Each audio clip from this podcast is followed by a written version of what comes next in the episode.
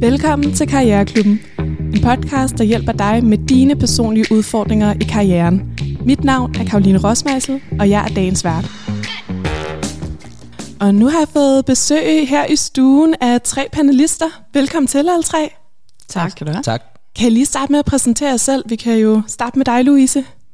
Ja, mange tak, fordi øh, vi måtte være med i dag. Mm. Jeg hedder Louise, og øh, jeg er øh, selvstændig øh, bæredygtighedsrådgiver. Jeg startede min virksomhed i øh, 2020. Meget tilfældigt og øh, helt naivt, Okay. uden at vide noget. Så, så du har fået nogle læringer på vejen, så måske. Det må man sige ja til. Ja, det har været øh, tre meget lærerige år. Og hvad med dig, Rune?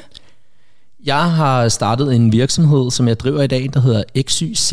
Vi laver anonymiseret og inkluderende headhunting. Mm. Vi er fem personer i dag. Og jeg sprang også lidt ud i det, uden rigtig at vide så meget om det. At være selvstændig for to og et halvt år siden. Okay, ja. Og så Rosine Pølsetten, Camilla. Det er mig. Jamen, jeg hedder Camilla. Jeg arbejder til dagligt som rådgiver inden for ESG-strategi, mm. men har arbejdet med kommunikation længe inden da. Og så er jeg medstifter af et netværk for unge kvinder, der gerne vil hjælpe hinanden, og som alle kommer fra forskellige baggrunde og erhverv. Som hedder? Femværket. Øj. Ja. Ja. Fedt. Jamen øh, lad os komme i gang med, øh, med dagens øh, dilemma. Er I klar? Meget. Yes. Meget klar. Det første kommer her. Kære Karriereklubben, jeg står over for et stort dilemma, og jeg håber, I kan hjælpe mig. Jeg har været selvstændig erhvervsdrivende i flere år som konsulent, og har nyt friheden og ansvarsområdet ved at lede min egen virksomhed. Dog er der nu en spændende mulighed for at gå over til et fast job som ansat, hvor jeg kan arbejde sammen med et fantastisk team, og selvfølgelig få lidt mere stabilitet. På den ene side føler jeg mig draget af tanken om tryghed, fast indkomst og et team at samarbejde med. På den anden side er jeg bange for at miste den frihed og kontrol, som selvstændigheden har givet mig. Hvad vil I gøre? Hilsen Simon. Nå, jamen det der er det rigtige panel til, øh, til de her typer af spring, må man sige. Hvad er sådan top of mind, øh, Rune? Hvad sidder du og tænker? Ej, jeg sad og prøvede at, at vente. Ja, Top of mind, øh, jeg skrev lige et ord ned. Forventningsafstemning. ja, ja. Øhm, jeg tror, at alle øh, selvstændige kender til, til det dilemma, eller mange selvstændige gør, mange af dem, der lytter med her også. Øhm, jeg tror, det er vigtigt, at man går ind i sig selv også og finder ud af, hvad er det, øhm, det vigtigste for mig? Hvordan øh, har jeg struktureret mit liv? Øh, hvad øh, har jeg brug for, også økonomisk, for mm. at øh, det løber rundt, og jeg har det godt? Øh, selv har jeg, øh, det sad vi og snakke om, inden vi gik på, øh, solgt min bil og er villig til at sælge alt andet end mine børn og min kone øh, for at øh, drive min forretning. Øhm, og der tror jeg, jeg er god til at tænke strategisk og være offensiv. Øhm, og hvis jeg er sikker på, at mit øh, produkt er det rigtige, så skal det nok øh, blive godt. Øhm, men øhm, jeg forstår også, at der er mange andre, der øhm, det er hårdt. Øhm, det er ikke bæredygtigt at arbejde med bæredygtighed. Det behøver det i hvert fald ikke at være, Nej. eller hvad, sådan, altså økonomisk, mener du? Jamen det er jo det, det vil jo være nemt mm. at, at tage et, øh, et job. Når jeg siger forventningsafstemning, så tænker jeg jo på selvfølgelig, at øhm, der er jobs derude, hvor man kan arbejde som funktionær, øhm, hvor man har mulighed for at få frie rammer. Øhm, der er det enormt vigtigt, at man forventningsafstemmer inden en eventuel ansættelse, mm. hvis man gør sig overvejelser om det. Er der muligheden for det her med, altså nu, nu, nu skriver Simon, han er bange for at miste den frihed og kontrol, som man har ved at være selvstændig. Mister man den, når man bliver ansat? Hvad, hvad er din erfaring med det, Rune? Altså, jeg er jo den, den bedste og den værste chef, jeg nogensinde har haft. Øhm, jeg tror, det er meget individuelt. Mm. Øhm, jeg er ret god til at holde fri. Hver gang jeg bliver spurgt, hvordan jeg har det, eller hvordan det går, så svarer jeg på, om mine børn er sunde og raske, øh, om øh, hvordan min kone har det, og hvordan alle de vigtigste ting er først. Øhm, det var jeg nok ikke så god til, da jeg arbejdede øh, ja, som kommersiel direktør. Mm. Øhm, øh, og for mig er det ikke det vigtigste, hvor meget øh, virksomheden tjener, eller hvordan det, hvordan det økonomisk er. Øh, Jeg tror, vi er jo enormt privilegerede, og øh, vi er rigere, end vores forældre var. Vores forældre var rigere, end deres forældre var, og jeg tror ikke, at det er penge, der kommer til at blive en udfordring, uanset hvad, i min fremtid, øh, med alt det, vi har. Okay. Øh, Så det har jeg bare valgt at satse på rigtigt. Hvad tænker du, øh, Camilla, om det her med selvstændigheden, eller om man skal være ansat? Jeg tror, en forventningsafstemning er rigtig vigtigt, men jeg tror også, det kan være en fejl at se et fast job som værende kontrasten til frihed. Ja. Nogle gange er man nødt til at differentiere mellem at have frihed fra og frihed til. Og hvad Simon her kan få gennem et fast job, det er jo frihed til at slippe for bekymringer vedrørende sin økonomi. Og det er også frihed. Han kan måske ikke få frihed fra at skulle møde ind kl. 8, men igen, det kan man jo tage i en forvaltningsafstemning. Det fremgår ikke af dilemmaet, om det er fuldtid 37 timer på pinden, eller om det er en mere fleksibel stilling, hvor man også kan arbejde hjemme gør det. Nej, ikke direkte, men jeg tænker, når han er, han er bange for det her med, øh, altså der, der er i hvert fald en fast indkomst, ikke? og tryghed, og hele det, han snakker om, så om det er deltid, eller om det er fuldtid, eller om der er mulighed for fleksibilitet, det er jo nok måske også noget, der skal diskuteres lidt med, øh, med en arbejdsgiver, en eventuel arbejdsgiver. Det er i hvert fald der, at forhandlingen bliver vigtig, Ja. om ikke andet forventningsafstemningen for at sige, hvad man egentlig har behov for. Og der tror jeg måske, Simon gør klogt i at definere, hvad er det i den frihed, han oplever lige nu, som gør ham glad. Hvad med dig selv? Har du følt, at du manglede frihed? Nu er du i et fast job, ikke? Altså, synes du, du mangler frihed i det job, du er i? Jeg er meget privilegeret i den forstand, at jeg har en meget fleksibel arbejdsplads, hvor man kan arbejde hjemme, og hvor man kan møde lidt, når det passer i forhold til møder. Jeg har ikke øh, selv en følelse af, at jeg mangler frihed overhovedet. Og jeg føler også, at der er meget af det, et fast arbejde giver mig, som giver mig værdi lige nu. For eksempel, fordi jeg selv er ung og skal finde mig til rette på arbejdsmarkedet, er det enormt vigtigt for mig at have nogle kollegaer. Og nogle dygtige kollegaer, som kan lære mig ting.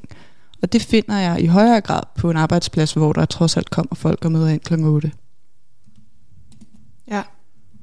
Hvad tænker du, Louise? Nu er du jo selv selvstændig, så du må da virkelig kunne relatere til det her. Jamen, jeg synes, det er et øh, super dilemma. Øhm, passer perfekt lige til panelet i dag. Det må man sige. øhm, noget af det, som jeg er nysgerrig på, som jeg ikke ved, om, om dilemmaet siger, er, hvad er det, der er Simons motivation øhm, for at søge et fast job? Altså, hvad er det, han har manglet øh, som selvstændig? Fordi noget af det, som øh, jeg i hvert fald også kan se tilbage på med mine tre år som selvstændig, det er, at man lærer sig selv enormt meget at kende. Man finder ud af, hvad der virkelig driver en. Når kollegaer er skrællet fra, er det så opgaverne, som er, er de spændende nok til at veje op for, for det, man ikke får, som man ellers har øh, i et fuldtidsjob. Øhm, så vi, vi ved ikke, hvad det er, øh, Simon har manglet. Men, øh, men det skal han i hvert fald være klar over øh, og have, have, have skåret det tydeligt øh, op, øh, så han også får det dækket ind i et fuldtidsjob. Hvis det er det økonomiske, så er det klart, at man får stabiliteten. Du får en fast lønsjek hver måned. Det er det, du ikke er garanteret, når du er selvstændig. Men øh, derudover så vil jeg også udfordre, at det med at være i fast job eller være lønmodtager er i skarp kontrast til øh, at være selvstændig. Fordi der er jo en masse ting, der ligger ind imellem. Du kan sagtens designe dig et liv, du godt kunne tænke dig, ved at have en, en arbejdsgiver, vil man sige, uden at den pakke er nødvendigvis 37 timer, øh, måske kun ejet af den arbejdsgiver osv. Øh, vi ser jo rigtig mange spændende tendenser lige nu. På, øh, for eksempel kunne jeg godt vælge, øh, jeg savner kollegaer i høj grad i mit arbejde nu. Nu har jeg kørt alting selv i tre år, og øh, det er ikke nok for mig længere. Men jeg har heller ikke lyst til at komme ind og skulle være på bare en arbejdsplads. Men en model kunne være, at jeg øh, tilbyder mig selv tre eller fire dage om ugen, for eksempel, til en fast arbejdsgiver. Men at jeg holder en ekstra dag fri øh, til, hvis nu jeg gerne vil lave udleve noget andet øh, i mit arbejdsliv, som den ene arbejdsplads ikke kan give. Det er jo der begrænsningen nogle gange ligger, når man ligger hele sit arbejdsliv i hænderne på en enkelt arbejdsgiver. Jamen, der taber du også ind i noget, som er meget altså sådan op i tiden lige nu. Det der med porteføljekarrieren, altså strukturere sin karriere med flere steps, og måske også ud for flere altså byggesten. Det behøver Ja. ikke kun være et sted, man kan få det. Nu sidder Rune og, og Ja. hopper for lige at svare på det. Ja, for, nej, ja, det, ja, men det er fordi, at jeg synes, det er en... Altså hybrid-muligheden her er jo at øh, tage dialog med den mulige arbejdsgiver og sige, at jeg faktisk øh, forelsker mig ret meget i ideen om at arbejde med jer, og jeg er helt vild med at have min egen virksomhed øh, og åbne op for en øh, projektansættelse. Øh, for øh, øh, måske ikke at se hinanden af, det er måske ikke den rigtige måde at, at sige det på, men øh, for at blive klogere på, hvordan øh, et, øh, et partnerskab og et samarbejde kan, kan, kan komme bedst til udtryk. Mm. Ja, i, og i min branche, altså rådgiverbranchen, øh, er man jo også tit inde som interim. Altså så, så det netop det, som Rune siger med at tænke i, øh, du kaldte det forventningsafstemning, øh, Rune, men, men man kan jo også aftale sig til meget. Man kan nemlig lave en projektansættelse, eller man kan øh, et, altså ja, selve interim-konceptet er jo også, at man er øh, fungerende øh, for den opgave, der skal løses i x antal tid. Mm. Og, og det er slet ikke sikkert, det er det, der er øh, øh, muligheden her for Simon i forhold til den konkrete øh, arbejdsgiver. Men, men jeg synes, at vi gør klogt i i hvert fald at ryste posen lidt, øh, og ikke tænke for, for stringent omkring, hvad vil det sige at være lønmodtager. Mm. For det kan mønte sig ud på mange forskellige måder. Ja, tror du, vi gør det nogle gange? Altså sådan kommer til at opdage det lidt, at sådan, enten er man selvstændig og finder sin identitet i at være det, eller også så er du lønmodtager, så det er det, du er. Det tror jeg virkelig, vi gør. Og jeg tror, at vi begrænser os selv for meget, øh, fordi vi måske, det er min antagelse, er øh, bekymret for at sige højt, hvad vi egentlig drømmer om i vores arbejdsliv. Øh, vi lader os måske diktere lidt for meget af, hvad er det for en retning, der er sat af vores øh, chef, vores arbejdsgiver. På den måde omvendt ligger vi måske også bare lidt for meget ansvar øh, i hænderne på den arbejdsgiver, for man kan jo ikke gætte som leder eller arbejdsgiver, hvad er det ens medarbejdere drømmer om. Derfor er det jo tit dem, der er i stand til at sige højt netop forventningsafstemme, der realiserer de ting, de meget gerne vil, og får et arbejdsliv, som er det, de egentlig ønsker sig. Ikke? Hmm. Ja. Hvad, hvad tænker du, Camilla? Jamen, hvad man drømmer om, det kan også meget hurtigt blive defineret i ental. Eller i hvert fald er der en tendens til, at vi skal kunne formulere det i ental, hvor at jeg tror i virkeligheden, at vi har mange personligheder i os, som bliver stimuleret på forskellige vis. Og der vil noget af det helt klart komme til udtryk igennem hans virksomhed og hans behov for selvstændighed. Men der er også noget andet, man så kan få på den faste arbejdsplads. Og hvis man kan finde en måde at få lov at beholde begge dele, så tror jeg ikke alene, at man kan få lov at dyrke flere sider af sig selv, men også at man i virkeligheden kan blive bedre i hver side af sig selv, fordi man får forskellige inputs.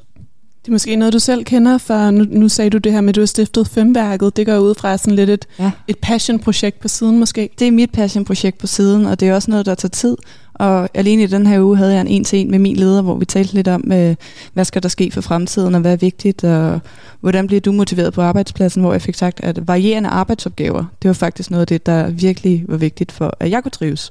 Og det er jo både dem, der er på arbejdspladsen, men det er også dem, man skaber uden for arbejdspladsen, som for mig, for eksempel Femværket, og for Simon, hans virksomhed. Mm.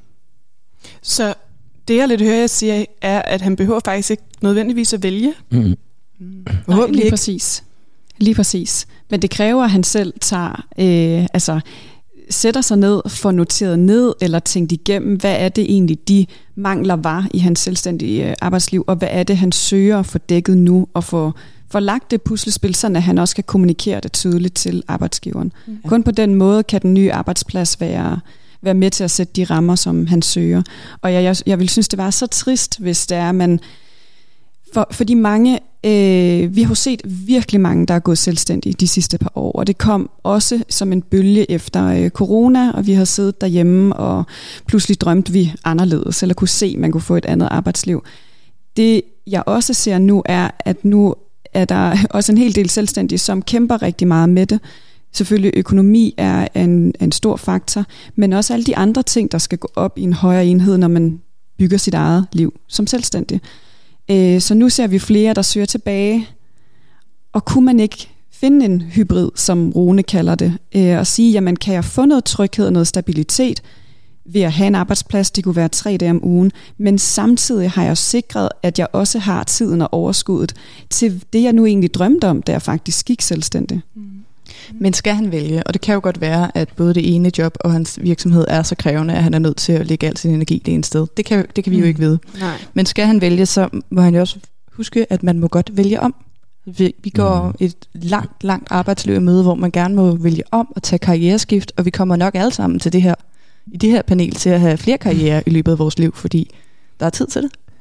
Det kan også virke så afgørende, når man står over for valget, ikke? og især måske i starten af sin karriere, sådan, ej, det her step, det er det, der kommer til at være afgørende for, om jeg er selvstændig eller ansat. Det passive forkerte valg er altid det værste.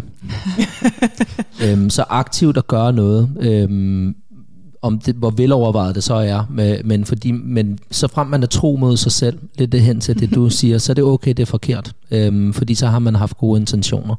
Øhm, og jeg vil dele det trick, øh, som jeg har stjålet fra internettet. Øh, sådan en post, hvor en skriver om det bedste råd, du kan give til andre fra din tid som, øh, som øh, i erhvervslivet. Jeg tror, det var nogle direktører. Og helt oppe i toppen, øh, der lå der, at når jeg var i tvivl om, hvad for en beslutning jeg skulle tage, så slog jeg plat og krone og satte på den ene på plat og den anden på kronen. Mm. Øh, og lige så snart mønten var oppe i luften, så vidste jeg, hvad jeg håbede, den landede på. den så har jeg, jeg med det. Ja. Øhm, Fordi man godt lidt ved det. Helt ja. inderst inde. Der er noget, du gerne vil. Lad være at tage en beslutning baseret på, hvad andre forventer, du skal gøre. Øh, den bedste beslutning, jeg har taget i mit liv, det var at tage til Costa Rica, da jeg var på anden år af handelsskolen, og jeg var så træt af det. Og alle sagde, det var dumt. Det er klart den bedste beslutning, jeg har taget i mit liv. Mm. Jeg vil ikke være, hvor jeg er i dag, hvis jeg ikke havde gjort det. Ja. Jamen, øh, Simon, der er mange gode muligheder her for dig. Det behøver ikke nødvendigvis at være det ene eller det andet, du skal vælge imellem. Øhm, det kan sagtens være, at du kan forene både det, du laver i din virksomhed, med det, du kunne i et øh, fuldtidsjob.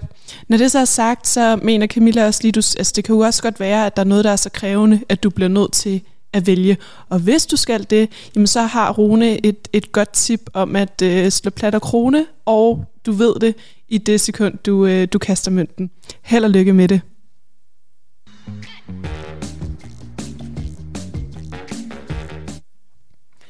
Så er vi allerede kommet til øh, det næste dilemma. Er I klar på det? Yes. Meget klar. Hej Karriereklubben. Jeg har et dilemma. Efter at have været målrettet de sidste 8 år, er jeg om få måneder tættere på mit mål end nogensinde, advokattitlen. Det bringer mig dog også i tvivl, da jeg har en meget kreativ og innovativ side, som overhovedet ikke stimuleres i mit øh, nuværende job. Jeg brænder for innovation, iværksætteri og med mennesker, og jeg er derfor i tvivl om, om, og om jeg, hvordan jeg kan kombinere det her med et job som advokat. Så skal jeg sige op og tage springet ud i noget helt nyt? Eller er der noget, jeg kan gøre for at få en lidt anden vinkel end sagsbehandlermus 60 timer om ugen? Gå, Sara. Okay. Ja, den er lidt... Øh, det kan godt være træls det der med, men, øh, men så lige pludselig, så har man fået den titel, men så var det måske alligevel ikke helt det, man egentlig gerne ville. Det kan man jo måske hurtigt mærke. Hvad, øh, hvad, hvad, hvad, hvad tænker du om det her, øh, Camilla, som sådan det første? Altså, jeg er blevet meget mærke i, at hun beskriver sig selv som en sagsbehandlermus. Det lyder som om, hun er voldsomt demotiveret for at starte allerede. Ja. Øhm, og samtidig med det kan jeg også godt sætte mig ind i den konflikt, hun har med, at når nu har man sat sig et mål, og nu har man faktisk nået det mål. Hvad så? Hvis ikke det var det, der gør mig glad, hvad gør så? Mm. Og der er det jo også, fordi der er en tendens med, at man skal sætte sig et mål, så skal man gå efter det, og så ligger lykken på den anden side af det mål. Men i virkeligheden er der jo ingen af os, der er har nogen som helst mulighed for at vide, hvad der gør os lykkelige. For det eneste, vi kan tale ud fra, det er den referenceramme, vi allerede har. Det er de erfaringer, vi har gjort indtil nu, og der er godt nok mange ting, vi ikke har prøvet indtil nu. Så der er jo ikke andet for, end at prøve noget andet, hvis man skal finde ud af, om det gør en glad. Mm. Hun kan også, hvis hun, det har jeg gjort, når jeg har været i tvivl øh, på et tidspunkt i min karriere, sætte en dag i kalenderen, hvor at jeg to måneder frem sagde, okay, hvis jeg stadig har det så elendigt med min arbejdsplads, jamen så siger jeg op, hvis jeg har det på det her givende tidspunkt. Så hun ligesom, altså man sætter en dato, og så hvis man stadig har det sådan, den dato, så skal man gøre noget ved det. Ja. Ja. Ja. Hvad, hvad tænker du, Louise? Du sidder og nikker. Ja, men jeg, jeg ved ikke, om jeg hører øh, Sara som værende så træt, at det hun øh, er, øh, altså, er ved at blive og har brugt otte år på øh, at blive advokat. Det er jo kæmpestort, at, ja. øh, at hun kommer i mål med det. Jeg øh, hører en person, som har en enormt spændende baggrund, altså nogle kompetencer, som hun har brugt lang tid på at få, øh, som ikke alle andre har. Og samtidig har hun en interesse og noget sådan spirende inde i sig selv, hvor hun kan mærke, at øh, hun også skal bruges på en anden måde. Øhm, jeg hører egentlig en virkelig spændende profil, øh, som har mulighed for at øh, teste, og, og har brug for at teste sig selv af i nogle forskellige sammenhænge. Det med, at man kommer fra universitetet med en eller anden titel, jamen det er jo selvfølgelig en værktøjskasse, man kan gøre brug af, men det er jo ikke et, øh, nu får du et stempel i panden, og så bliver du aldrig noget andet, eller kan aldrig bruge det til noget andet. i virkeligheden er der jo brug for advokater i rigtig mange sammenhænge. Og øh, nu hører jeg ikke, det lige den retning, hun, drøm, hun drømmer om at gå, men, men at øh, have en person med, øh, med det, hun kan, for eksempel i en NGO eller udviklingskontekst, vanvittigt brugbart og relevant. Øhm, og have hendes, øh, hendes baggrund og kompetencer til at øh, bygge en virksomhed, hvis det er det, der er hendes interesse, enormt relevant.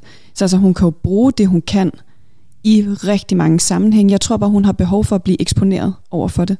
Ja. Så hvis jeg var Sara, så vil jeg øh, glæde mig over det, den uddannelse, hun når i mål, i mål med lige om lidt. Og jeg vil øh, blive altså der, hvor, hvor hun er, men teste øh, sig selv af. Og, øh, og se, altså opleve verden, se hvad hun kan øh, i nogle andre sammenhænge. Det med at lave frivilligt arbejde er jo en fantastisk legeplads for eksempel, til at se, øh, hvordan man også lige kunne bruges. Og komme lidt mere i kontakt med, øh, ja, at gøre en forskel, eller ja, at bruges på en anden måde. Men kan man godt være, hvis man brænder for innovation, kan man så stadig godt være advokat? Ja. Der kom et hurtigt svar fra Rune der, ja. Jeg har arbejdet meget med advokater, øhm, og nu er der flere dele i det her. Øhm, Øh, jeg kommer fra at arbejde i en virksomhed, der laver uddannelse til advokater, og halvdelen af min familie er øh, advokater og jurister. Nu blev der sagt sagsbehandler, så det er også lidt, hvad for et område er man indenfor. Øhm, der er nogen, hvor det er nemmere end andre.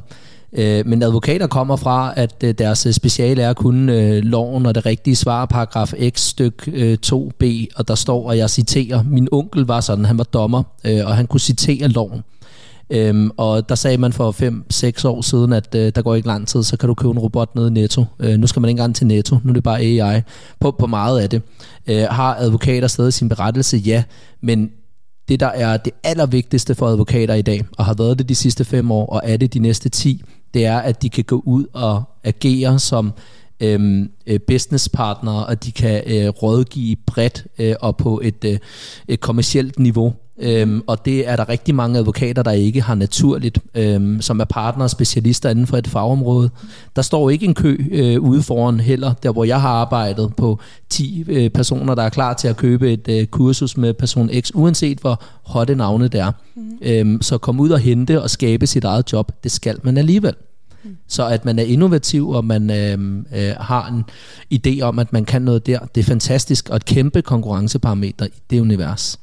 Det kan faktisk være, at der sker rigtig meget med advokatbranchen lige nu, som gør, at det måske faktisk passer sig meget godt. Altså med legal tech måske også, ikke? Altså der sker også meget. Ja. Øhm, ja, nå, interessant. Ja, en anden ting, jeg sådan tænker lidt, det er det her klassiske med, at øhm, øh, der var en, øh, jeg husker en historie fra en, øh, en, en japansk øh, øh, kvinde, øh, dame, som øh, begik selvmord, fordi hendes Tamagotchi døde, og hun havde plejet den der Tamagotchi i, øh, i øh, et eller andet, ikke 15 år. Og det, der ligger i det her rent øh, psykologisk og for at forstå mennesket, det er, når vi investerer i noget, vi bliver ved med at gøre det, og så tabe det, det er, er vi mega bange for, også i de relationer, vi har. Og det er rigtig klassiske advokater, de øh, har investeret og slidt og slæbt, og de har måske hadet deres studie. Mm. Øhm, og, og, og få, få bestandingen som advokat igennem lang tid. Så nu har jeg investeret så meget, så nu har jeg bare holdt ved. Ja. Øh, men det man vinder på den anden side er jo øh, vigtigere øh, ofte. Jeg tænker, jeg har ikke planlagt, øh, at jeg skulle gå en vej i livet for at sidde her i dag i en, på en fin adresse i Frederiksberg og, og tale i Karriereklubben. øh, men det er en, en, en sidegevinst, der er kommet af, at jeg har været tro mod øh, mig selv, måske. Mm. Ja. ja, Camilla? Ja, jeg kommer også til at tænke på, at det er jo helt okay at være i tvivl. Og hvis man ikke er i tvivl om sine valg og sin karriere og sin uddannelse på noget tidspunkt, så har man jo i virkeligheden heller aldrig forholdt sig kritisk til den. Mm. Og stille sig selv spørgsmål om, hvad man egentlig vil og hvad man egentlig kan. For der er også forskel på de to. Øh, jeg blev mærke i, at hun taler om at tage springet og prøve noget nyt. Og det kan også være, at Sara skal bruge lidt tid på at definere, jamen, hvad det her noget så er. Jeg synes, det er nogle vildt gode bud, som panelet har med at se, findes det noget egentlig inde, på, inden for advokatverdenen og inden for de rammer, jeg allerede har, eller kan jeg sørge for, at de i hvert fald kommer der ind. For ja, kreativitet, innovation, det ville være underligt at arbejde i en branche, hvor det ikke var værdsat. Ja, men kan der også være noget omkring det der med, at hun måske også lige skal se tiden an. Altså hun er jo lige blevet færdig, hun har lige nået sin mål. Man kan vel også have den der følelse af, når man har nået sit mål, så er det sådan, nå okay, var det, var det bare det? det er jo derfor, jeg taler om at sætte en, en dato i kalenderen, for det er noget, der har virket for mig, at skubbe det lidt hen, skubbe beslutningen lidt hen, før jeg skal tage den. Også fordi, at man kommer med alle sine forestillinger til, hvad en arbejdsplads er, og hvad ens karriere vil føre en til. Og virkeligheden er, som Rune beskriver, nok en helt anden. For så sker der nogle helt andre ting, eller også sidder man med et felt, som man faktisk slet ikke lige havde regnet med, man skulle sidde med. Ja, du har selv skiftet felt, fik du også øh, nævnt i starten. Ja, altså jeg har egentlig en uddannelsesbaggrund i detailhandel og har arbejdet med kommunikation i mange år, men har valgt at skifte til ESG-strategi, fordi jeg synes, det var meningsfuldt på et højere plan end kun mig, og fandt noget værdi i det. Men det er jo ikke, fordi jeg ikke bruger mine kompetencer fra tidligere, tværtimod. Altså kommunikation, når man skal tale om klima, det er nok noget af det vigtigste, fordi hold kæft, hvor kan man, undskyld, jeg bandede lige i mikrofonen, for pokker, hvor kan man øh, fortælle ørerne af og miste pusen bare at høre ord som klima og ESG. Ja. Og det samme med detailhandlen, det er sådan noget, jeg bruger, når, når vi er ude på kunder, som er detailhandlere. Ej, hvad synes de bare, det er fedt, at man forstår deres forretning. Så der er synergier på tværs af fagområder, og det er helt skørt at forestille sig, at der ikke er. Mm. Jeg vil også gerne øh, tale om det her med uddannelse og øh, have en kandidat og stoltheden øh, omkring det. Øh, og jeg skal skynde mig at sige, at jeg er en stor fan af uddannelse. Øh, men der er bare stadig det her med, at det vigtigste ved at få kandidaten, det er papirerne. Der er mange jobs, jeg ikke har kunne komme i betragtning til, fordi jeg ikke har en kandidat. Jeg har ikke engang en bachelor, øh, og det var der år, hvor jeg ikke turde sige, fordi jeg synes, det var pinligt. Jeg arbejdede som leder i en salgsafdeling, og jeg synes, jeg fik mere ud af at være der. Jeg har sikkert også noget ADHD et eller andet, og fungerer ikke så godt til skolen. Og i dag arbejder jeg med rekruttering, og vi... Øh, øh, uden at lave for meget markedsføring omkring det, der kan man selv gå ind og snuse, hvis man er nysgerrig. Øhm, når vi interviewer ansættende ledere om, hvad der er vigtigt for, at en potentiel medarbejder er relevant, øhm, så er det bare næsten aldrig vigtigt, at man har lige den kandidatuddannelse. Mm. Øhm, og, og du kan jo selv håndplukke i dag, du kan finde, øh, om det er på nettet, eller kurser, eller ting, du synes er interessant. Øh, tag en uddannelse i innovation.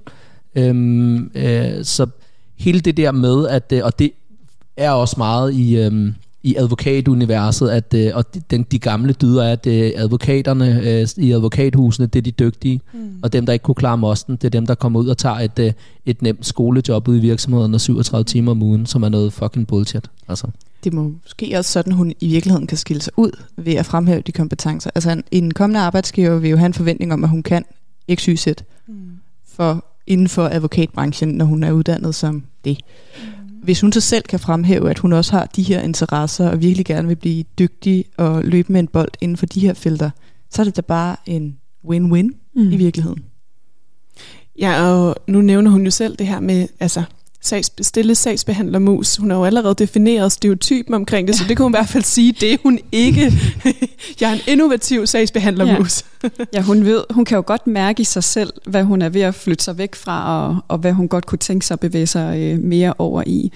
Jeg tror, hun har brug for at øh, finde nogle gode øh, rollemodeller, øh, og, og grave lidt i, øh, i nogle af, altså de profiler, øh, de mennesker, hun har i sit netværk, og så se, hvem har egentlig den samme baggrund øh, uddannelsesmæssigt som hende, men laver jo vidt forskellige ting. Øhm, sådan er det også, jeg har læst på CBS, og jeg underviser øh, på CBS også øh, i, i bæredygtighed. Og øhm, det er jo ikke sådan, at fordi nogen har taget et valgfag, eller andre har læst en kandidat, så kan de ikke komme i betragtning herover. Altså de kan jo, de kan jo egentlig øh, være interessante for de samme stillinger potentielt, altså hvis man kun ser på deres uddannelsesmæssige baggrund. Det er jo en masse andre ting, som kommer i spil, øh, når man bliver valgt ind til, til at lave et stykke arbejde. Øhm, og på den måde kan hun jo også, øhm, kan man sige, faglægge sin, hvad hun selv øh, definerer som lidt øh, kedelig kontormuse-baggrund. Øh, øh jeg, jeg synes virkelig kun, at hun har en, en styrke i at komme med det. Øh, og så det, det gør hende bare mere interessant, at hun faktisk har lyst til at kigge nogle andre veje, end dem, der måske er blevet præsenteret øh, under uddannelsen. Ja. Så hvad vil du selv gøre helt konkret, hvis du stod i den her situation? Jeg vil øh, øh, prøve ikke at, øh, at panikke i hvert fald, øh, og blive alt for bekymret, øh, jeg, så, sådan at jeg ikke fik tanken om, uh, nu har jeg spildt otte år, mm. fordi det har hun ikke. Mm. Øhm, og så vil jeg, øh, det lyder til, at hun havde et arbejde, eller havde noget i udsigt, ikke? Jo, jo, om hun skulle sige op. Jo, så det har hun Ja, allerede. så hun er i arbejde. Det kan godt være, at øh, det kommer an på, hvordan følelsen er i maven. Man skal ikke gå i seng og have det skidt der, hvor man er. Men hvis man har det nogenlunde med det, og det er bare en spirende, uh, skulle det måske være noget andet, så vil jeg blive, men jeg vil bruge min energi på, hvis der er energi tilbage, efter hun har været på arbejde, så vil jeg bruge den på at øh, gå ud og møde nogle mennesker, og høre, øh, hvad har de øh, lavet. Det kan være tidligere øh, øh, øh hvad hedder det, um, elever, skulle jeg til at kalde dem, studerende. Øh, hvis der er nogle alumner eller andet, nogen i hendes netværk, øh, som har samme baggrund, og så vil jeg simpelthen bruge min nysgerrighed øh, og teste nogle ting af. Og hvis det på et tidspunkt kræver noget mere tid, så vil jeg selvfølgelig sige op, og det lyder til, at hun skal sige op på et tidspunkt. Mm. Øh, jeg, vil, øh, jeg vil bare bruge min energi på at, øh, at se, hvad er der derude. Og øh, ja. Og vær nu ærlig over for dig selv, Sara. Hvad er det ved det her og den her beslutning, som der handler om, hvad du vil, vil og hvad er det, der handler om, hvilke forventninger der er til dig fra dit netværk, fra din familie, fra dine venner, fra dine studiekammerater, de mennesker, som Sara har bevæget sig med meget, tænker jeg, de sidste 8-9 år, har været ambitiøse mennesker, hvor drømmen er at være advokat. Øhm, og det er der, man er rigtig. Øh, og måske er der også andre drømme hos Sara. Øhm, når, øh, når Sara øh, kigger tilbage på sit liv på et tidspunkt om øh, 100 år, øh, så øh, vil Sara fortryde de øh, chancer, hun ikke tog. Ja. Louise, har du lige en, øh, en afsluttende kommentar til det? Ja, øh, fordi min kæreste, han er jurist, men han har aldrig arbejdet som jurist. Øh, så klassisk øh, jurist fra øh, Københavns Universitet, men han øh, tog til Sydafrika og arbejdede med øh, chokolade og øh, øh, kvindelige kaffebønder, øh, kaffebønder, øh, det er noget andet, chokoladebønder, øh, arbejdede med det dernede i, øh, i Cape Town, og, øh, og det var med til at øh, flytte hans fokus fuldstændig fra, øh, fra den sti, der ellers var blevet lagt ud i forhold til den uddannelse, han havde taget. Og siden har han så arbejdet med øh, ansvarlige investeringer øh, fra øh, pensionsbranchen, altså brugt sin juridiske værktøjskasse, som er ekstremt værdifuld, men han har aldrig arbejdet som jurist. Øhm, så han har bare brugt det på en anden måde. Det tror jeg bare, hun har behov for at, at se, at man også kan.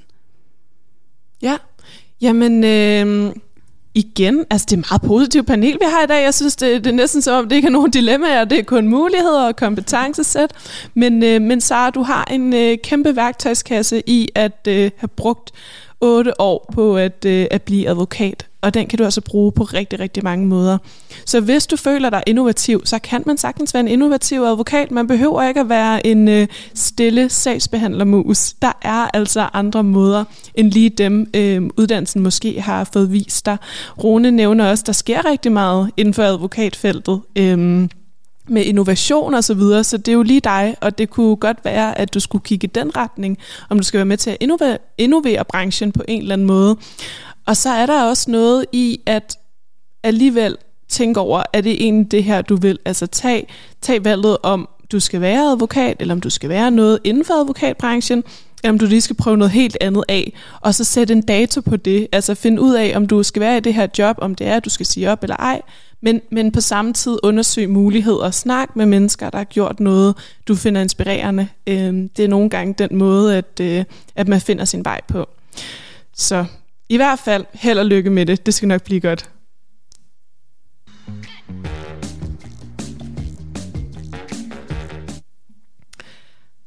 Og så er vi faktisk allerede nået til det aller sidste dilemma. Jeg synes virkelig, jeg har været et positivt panel indtil videre. Det laver vi om på nu. ja, nu skal det bare havles ned. Jamen, vi bliver faktisk lidt i øh, selvstændig verdenen. Det lyder sådan her. Hej, jeg har et komplekst spørgsmål. Jeg er solo freelancer, tonemester på film, primært efter arbejde. Og jeg synes, det er lidt svært at have en stabil indkomst og en strømlignet karriere, når jeg selv skal håndtere alle sider af mit firma, ud over mit arbejde. Øh, som er markedsføring, opsøgende, lede efter projekter, bogholder, IT, kommunikation osv. Der er mange opgaver. Jeg har overvejet, om jeg skulle tage skridtet og udvide og ansætte folk. Men jeg synes, det er enormt svært og uoverskueligt at gå fra at være soloselvstændig selvstændig til at bygge en decideret virksomhed op med ansatte. Hvor skal man starte? Og hvilke ressourcer kunne man trække på? Findes der måske også finansielle muligheder, der kan hjælpe mig med at omlægge og udvide? Med venlig hilsen, Thomas. Ja. Jeg kan godt starte ja, på den. Louise? Fordi det minder mig øh, meget om øh, overvejelser, jeg selv har gået med som Jamen, selvstændig. Det er jo perfekt. ja. øhm, og, øh, og jeg kan i hvert fald sige, at de første to år, øh, hvor jeg øh, arbejdede og skulle finde mig selv som selvstændig, der kunne jeg bare slet ikke overskue tanken om at skulle have bare en ansat. Mm. At det der med at have øh, ledelsesansvar og bare skulle stå til ansvar for nogen, øh, selv en student, altså tanken var øh, simpelthen så trættende for mig. Men, øhm, men så nåede jeg til, at, øh, at det blev jeg så klar til for et år siden, at få en ombord. Men med det øh, vil jeg sige, at jeg ansatte ikke en som lønmodtager. Jeg øh, fik en øh, student ombord, øh, men på B-indkomst, som jo er en rigtig fin mulighed. Øh, så jeg vil gerne lige gå ind og skubbe lidt til den der tankegang om, at man altid skal bygge øh, en meget stor virksomhed, eller man skal have en masse medarbejdere øh, ombord, fordi det med betalingen, der var også nogle spørgsmål i forhold til økonomi, mm. det kan man løse på mange andre måder, øh, hvor man øh, ja, får mulighed for at fakturere øh, for det arbejde, der bliver lagt. Og det kan man aftale sig ud af kontraktmæssigt, sådan at øh, forholdene og aftalen den ligesom er fair på begge sider. Mm. Øhm, så det er jo den vej, jeg i hvert fald selv har valgt at gå. Øh, fordi det giver mig heller ikke bekymringen om natten, at der nu også projekter nok om et halvt år til dem, man har ansat. Yes. Øhm, så ja, det, det vil jeg øh, lige sige. Der, der er øh, mange forskellige øh, muligheder for det, som ikke er den helt klassiske, traditionelle måde at se på medarbejderansvar. Øh, altså man kan starte stille op, det er det du prøver at sige, at det behøver ikke at være, nu skal det bare ud og, øh, og ansætte, jeg ved ikke hvor mange mennesker, og forpligte øh, til det, og så kan man slet ikke følge med. Nogle gange kan man godt tage det i steps. Altså, hvor ja, jeg vil klart mere... sige, man kan tage det i steps, men det handler også om, hvad er det for en model, man bygger op omkring sin egen virksomhed. Fordi spørgsmålet er også, drømmer øh, vedkommende, nu fik jeg ikke navnet, Thomas. Thomas, drømmer Thomas om at skulle have en virksomhed med fem medarbejdere? Det er det spørgsmål, jeg har fået allerflest gange, efter jeg gik selvstændig. Når man, øh, skal du så bygge et stort konsulenthus? Og svaret er nej, det skal jeg virkelig ikke. Det kan altså også se ud på andre måder, uden at det er det, der er målet i sig selv. Øhm, ja. Ja, hvad tænker du, Rune? Du har jo en virksomhed. Ja, øh, jeg er jo på mange måder sådan lidt øh, ude i det. Øh, der er jo også øh, muligheden at øh, partner op. Øh, jeg synes, det er lidt interessant måden øh, dilemmaet bliver stillet på, for det starter med at have at gøre med alle de ting, der er ved at drive en selvstændig forretning og markedsføring og øhm, øh, økonomi og så videre. IT, ja. øhm, og hvis øh, Thomas ser, at der er nogle ting, jeg er rigtig gode til, øh, lad os kalde det... Øh, øh, operations. Måske er Thomas rigtig god til at levere varen på gulvet, og der er nogle andre ting omkring at drive forretningen, not so much. Så kan det være, at der er en, som der rigtig godt kan lide den del, og egentlig helst ikke vil være den, der render i marken. Øhm, øh, jeg har jo selv partneret op øh, øh med tre til at starte med øh, i vores virksomhed, øh, som startede for et andet år siden. Øhm, og øh, særligt mig og Andreas. Andreas er jo operations, han er recruiter, han er konsulent, øh, han løser opgaver øh, og jeg er øh, alt muligt manden, øh, der øh, er, øh, og lad os sige det som det er, i korte træk, jeg er sælger. Mm. Øhm, så jeg får opgaverne ind, øhm, og det er jo essentielt for at kunne drive en, øh, en forretning, at, øh, og jeg elsker at være ude i byen og tale med en masse mennesker, øh, og være, øh, være tæt der. Så det er jo også en, en mulighed. Jeg skrev ledelse op, fordi mm. det næste step er jo så, øh, jamen skal jeg have ansatte, og jeg ser, jeg har faktisk startet som konsulent, øh, selvstændigt også, hvor at jeg arbejder med mange vækstvirksomheder, mindre virksomheder, konsulentvirksomheder, hvor at ejerne øh, undervurderer ledelse og hvad det kræver.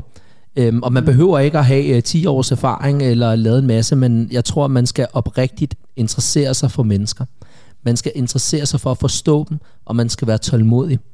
Øhm, for det er ikke nødvendigvis bare lige til. Øhm, og det handler også meget om kommunikation øh, apropos kompetencer rundt om bordet, mm. øhm, at, øh, at, øh, at lykkes med at, øh, at skabe øh, rammerne om øh, en god arbejdsplads og et øh, velfungerende team, hvor folk de trives. Så hvad er dit råd til, øh, til Thomas, der måske skal bygge, udvide sin virksomhed lidt mere? Øh, hvis der skal være ansatte, og i højere grad end en, en, en, en på B-indkomst, så skal der være en, en, en som minimum stor ledelsesinteresse øhm, og, og ledelseskompetence på menneskedelen, og ikke øh, bare på det at drive forretningen. Mm. Ja. Ellers så er det øh, kortsigtet. Men han kunne også finde nogle partnere, siger du? At det kunne også være en vej at gå, altså så man ikke bare kun er selv med det? Det er en god måde, øh, synes jeg. Øh, jeg savnede også tilbage til, hvad vi talte om tidligere i dag. Jeg savnede også at have kollegaer, da jeg var selvstændig, og jeg var sådan lidt en, øh, en reserveansat i øh, fem virksomheder på samme tid. Ikke? Øh, men jeg kan godt lide at komme på kontoret med mine kollegaer, øh, og, øh, og det var en god model for mig at starte en virksomhed med nogle andre. Øh, så, så det tror jeg også er øh, en, en, en vej. Mm. Han nævner jo, at han er øh, tonemester på film. Det havde jeg ikke lige hørt før. Nej. men, men jeg hører det i hvert fald som værende nogle ret specifikke kompetencer, og yes. vi må gå ud fra, at han er glad for, for det arbejde, han har. Måske er det også det, han brænder mest for. Sådan er det jo også med mange. Man, man starter jo en virksomhed eller går selvstændig, fordi man har nogle opgaver eller noget faglighed, som man er glad for, og man brænder for. Det betyder så ikke, at man samtidig brænder for HR og salg og kommunikation og hele rækken, han nævner, som jo følger med, når man er selvstændig. Øhm, så jeg vil, øh, hvis det var mig, øhm, øh, anbefale Thomas i hvert fald at finde ud af, at det er det, det arbejde, han synes er det fede, for så er det det, han skal bruge sin tid på. Der vil altid følge nogle ting med, men man kan virkelig outsource. Du kan jo outsource alt. Og til syvende og sidst, så skal man helst ikke bruge sin tid der, hvor det dræner en for energi. For når man er alene, så er der ikke nogen, der kommer og løfter en op og siger, nu skal du ud af sengen om morgenen, du skal møde ind her øh, 8.30. Man skal selv stå op, og man skal selv finde energien og engagementet. Og det kan man ikke, hvis man bruger sin energi forkert.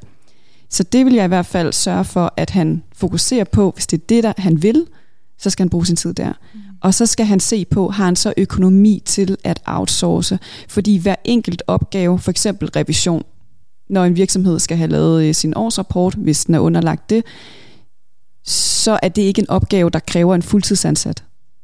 Så man kan også sagtens gå paletten af opgaver igennem og sige, hvad kræver faktisk fuldtid, og hvad kræver ikke, mm. og så få det outsourcet og se i sit netværk, hvem kan løse det til en god pris. Er det det, du også selv har gjort ved at outsource noget? Ja, i ja. høj grad. Øh, jeg startede også med at lave min egen bogføring, og jeg er taknemmelig for, at jeg lærte det. men jeg skal ikke bruge mere tid på det. Øhm, så, altså, så får man en revisor på, og det, altså, det kan man virkelig finde øh, til fine, fine priser. Øhm, og, og det samme også, nu har jeg nogle, nogle opgaver i min pipeline, som ikke giver mig god energi. Jeg kan lave dem med venstre hånd. Jeg har brug for at lave dem økonomisk, men jeg synes ikke, de er sjove. Og så har jeg fået en fantastisk øh, student indover, og det er jo også det, man skal heller ikke overvurdere, hvor lang tid opgaver tager. For når man ved, hvordan de skal løses, så kan de relativt hurtigt ekspederes. Mm. Og så giver det bare fed energi, at der er nogen andre, der også løfter i den her opgave. Ja. Hvad, hvad tænker du, Camilla? Du har ikke uh, budt ind mm-hmm. endnu. Nej, og det er jo fordi, jeg har jo ikke en baggrund som selvstændig, men jeg har enormt stor respekt for at være solo freelance som tonemester på film. Ja, det lyder så fedt. Mm. Virkelig fedt.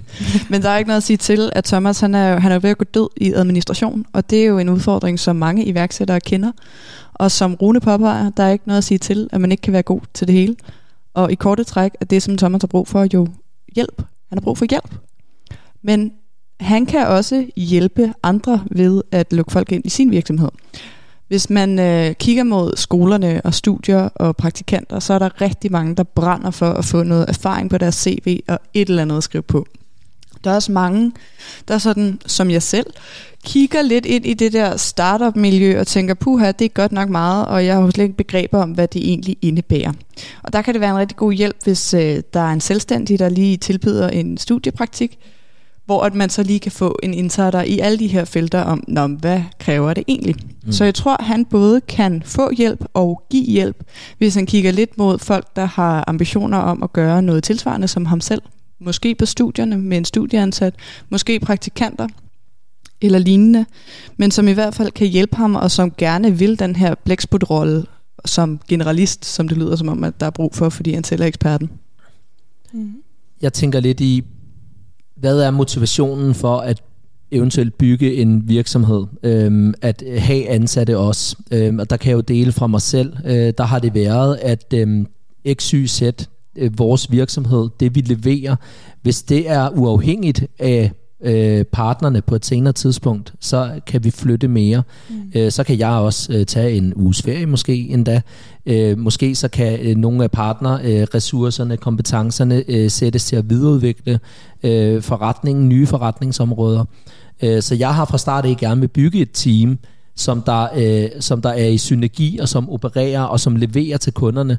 Øh, jeg er ikke så glad for den der øh, gammeldags øh, konsulentforretningsmodel øh, med, med partnere og, øh, og, og soldater. Øh, så, så jeg vil gerne øh, organisk og langsomt bygge et, et team, hvor vi øh, er øh, et, et lige, kan man sige, på gulvet. Mm. Men altså, det er jo også Øhm, jeg, jeg har jo været villig til at, at ikke lønne mig selv for at investere i, i ansatte. Ja. Øh, og, og jeg ved, hvis jeg kigger på vores likviditet og kigger frem, der er altid løn til de ansatte først.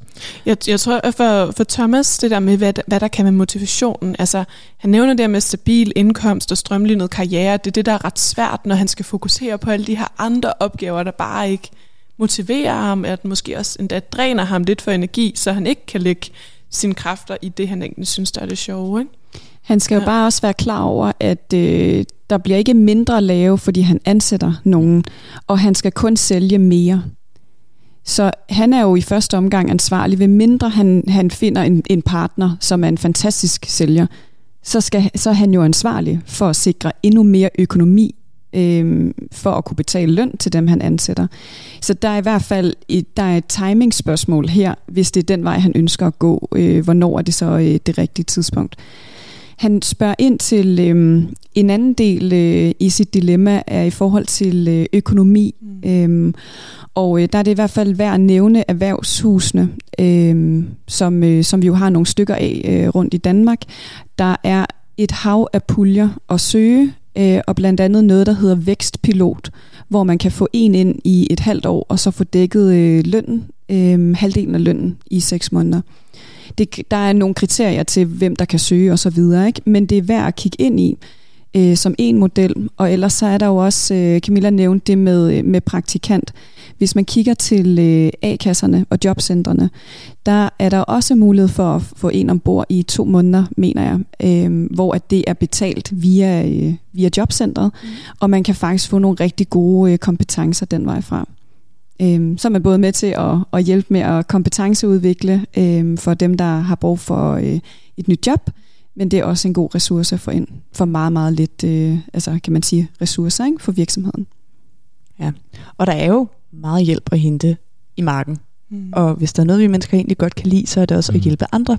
Ja. Jeg tror, at Thomas kunne øh, måske få hjælp og gavn af også at opsøge nogle netværk for selvstændige inden for ham selv, der skal nok finde nogle kreative netværk, der laver noget tilsvarende som ham, og hvor han vil kunne finde nogen at spejle sig i, som sikkert har stået med de samme problemer og de samme dilemmaer, som han gør nu.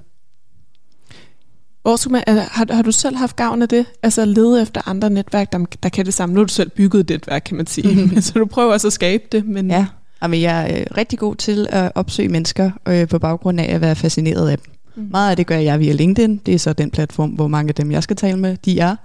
Det ved jeg ikke, om det er for Thomas, men øh, man kan få meget, øh, faktisk også gratis hjælp i rådgivningshusene, fordi der er mange af de store konsulenthuse, der gerne vil onboarde små virksomheder ved at tilbyde gratis rådgivning i opstartsfasen, og der, når man er helt lille. Selvfølgelig med håb på, at man bliver stor, og på et tidspunkt kan man også sende en faktura, men i starten så er det gratis hjælp. Og det er da helt klart værd at opsøge. Ja, i høj grad. Altså erhvervshusene, er den ene øh, indgang, han skal kigge på, og så iværksætter Danmark er der også noget, øh, der hedder. Og en ting er økonomi, men, men som Camilla også nævner, øh, gratis sparring og rådgivning. Øh, de kører et hav af sådan nogle øh, forløb til virksomheder. Øh, ja, nu er det her selvfølgelig meget specifikt, ikke? Men, men til iværksættere, øh, som kan hjælpe med at besvare det her spørgsmål og dilemma. Hvornår er det, han skal skalere, og hvordan kan skaleringen se ud? Ja. Ja, Jamen, vi har da mange gode råd øh, til Thomas herfra. Altså, først og fremmest, øh, så, så er der mange muligheder. Mange, mange muligheder, hvis du gerne vil, øh, vil have noget finansiering til, hvordan du kunne gøre det her, øh, som, du, som du selv efterspørger. Altså, Der findes erhvervshuse, der findes øh, konsulenthus, der kan hjælpe. Der findes også rigtig mange, hvis man bare begynder at række ud, der gerne vil hjælpe. Når det så er sagt, så, så mener Rune også, at du lige skal tænke over, om du egentlig er klar til den ledelsesopgave, som det kræver at have nye medarbejdere. Og Louise påpeger også, at det er altså ikke fordi, at du kommer til at have mindre at lave ved at få flere ansatte. Nogle gange giver det faktisk øh, en, en større arbejdsbyrde. Måske kommer du også til at få nogle, nogle nye ansvarsområder, som tager tid for det, du egentlig synes, der er, der er det sjove at lave. Så det skal du også lige gøre op med dig selv, om det egentlig er igennem ja, flere ansatte, der, der er vejen frem, eller om du måske skal prøve noget af med noget B-indkomst, eller en praktikant, eller prøve øh, ja, lidt mindre omfang at se, om det ikke kunne være, øh, være godt nok til at hjælpe dig for nu. Tusind tak for dit dilemma, Thomas, og, øh, og også tak til jer her i panelet for alle jeres ja. gode råd og øh, karrierevejledning, vil jeg næsten kalde det. Øhm, rigtig dejligt at se det, det, den positive øh, vej. Jeg synes virkelig, at man bliver opløftet af, at der, der sidder nogen, dem, som synes, at ej, kunne de, ikke lige, øh, de kan ikke lige se, hvor det er, det skal hen, men, men i virkeligheden, så findes der faktisk rigtig mange kompetencer, man, man har, og som man måske ikke selv kan se i øjeblikket. Så, øh, så tusind tak for det. Og tak til dig, der lyttede med til øh, Karriereklubben på Genhør. Du lyttede til Karriereklubben, en podcast produceret af Andrea Tormand, Karoline Rosmeisel og Nima Tistel. Du kan altid følge Karriereklubben inde på dine respektive sociale medier. Vi glæder os til at høre fra dig. Tak fordi du lyttede med.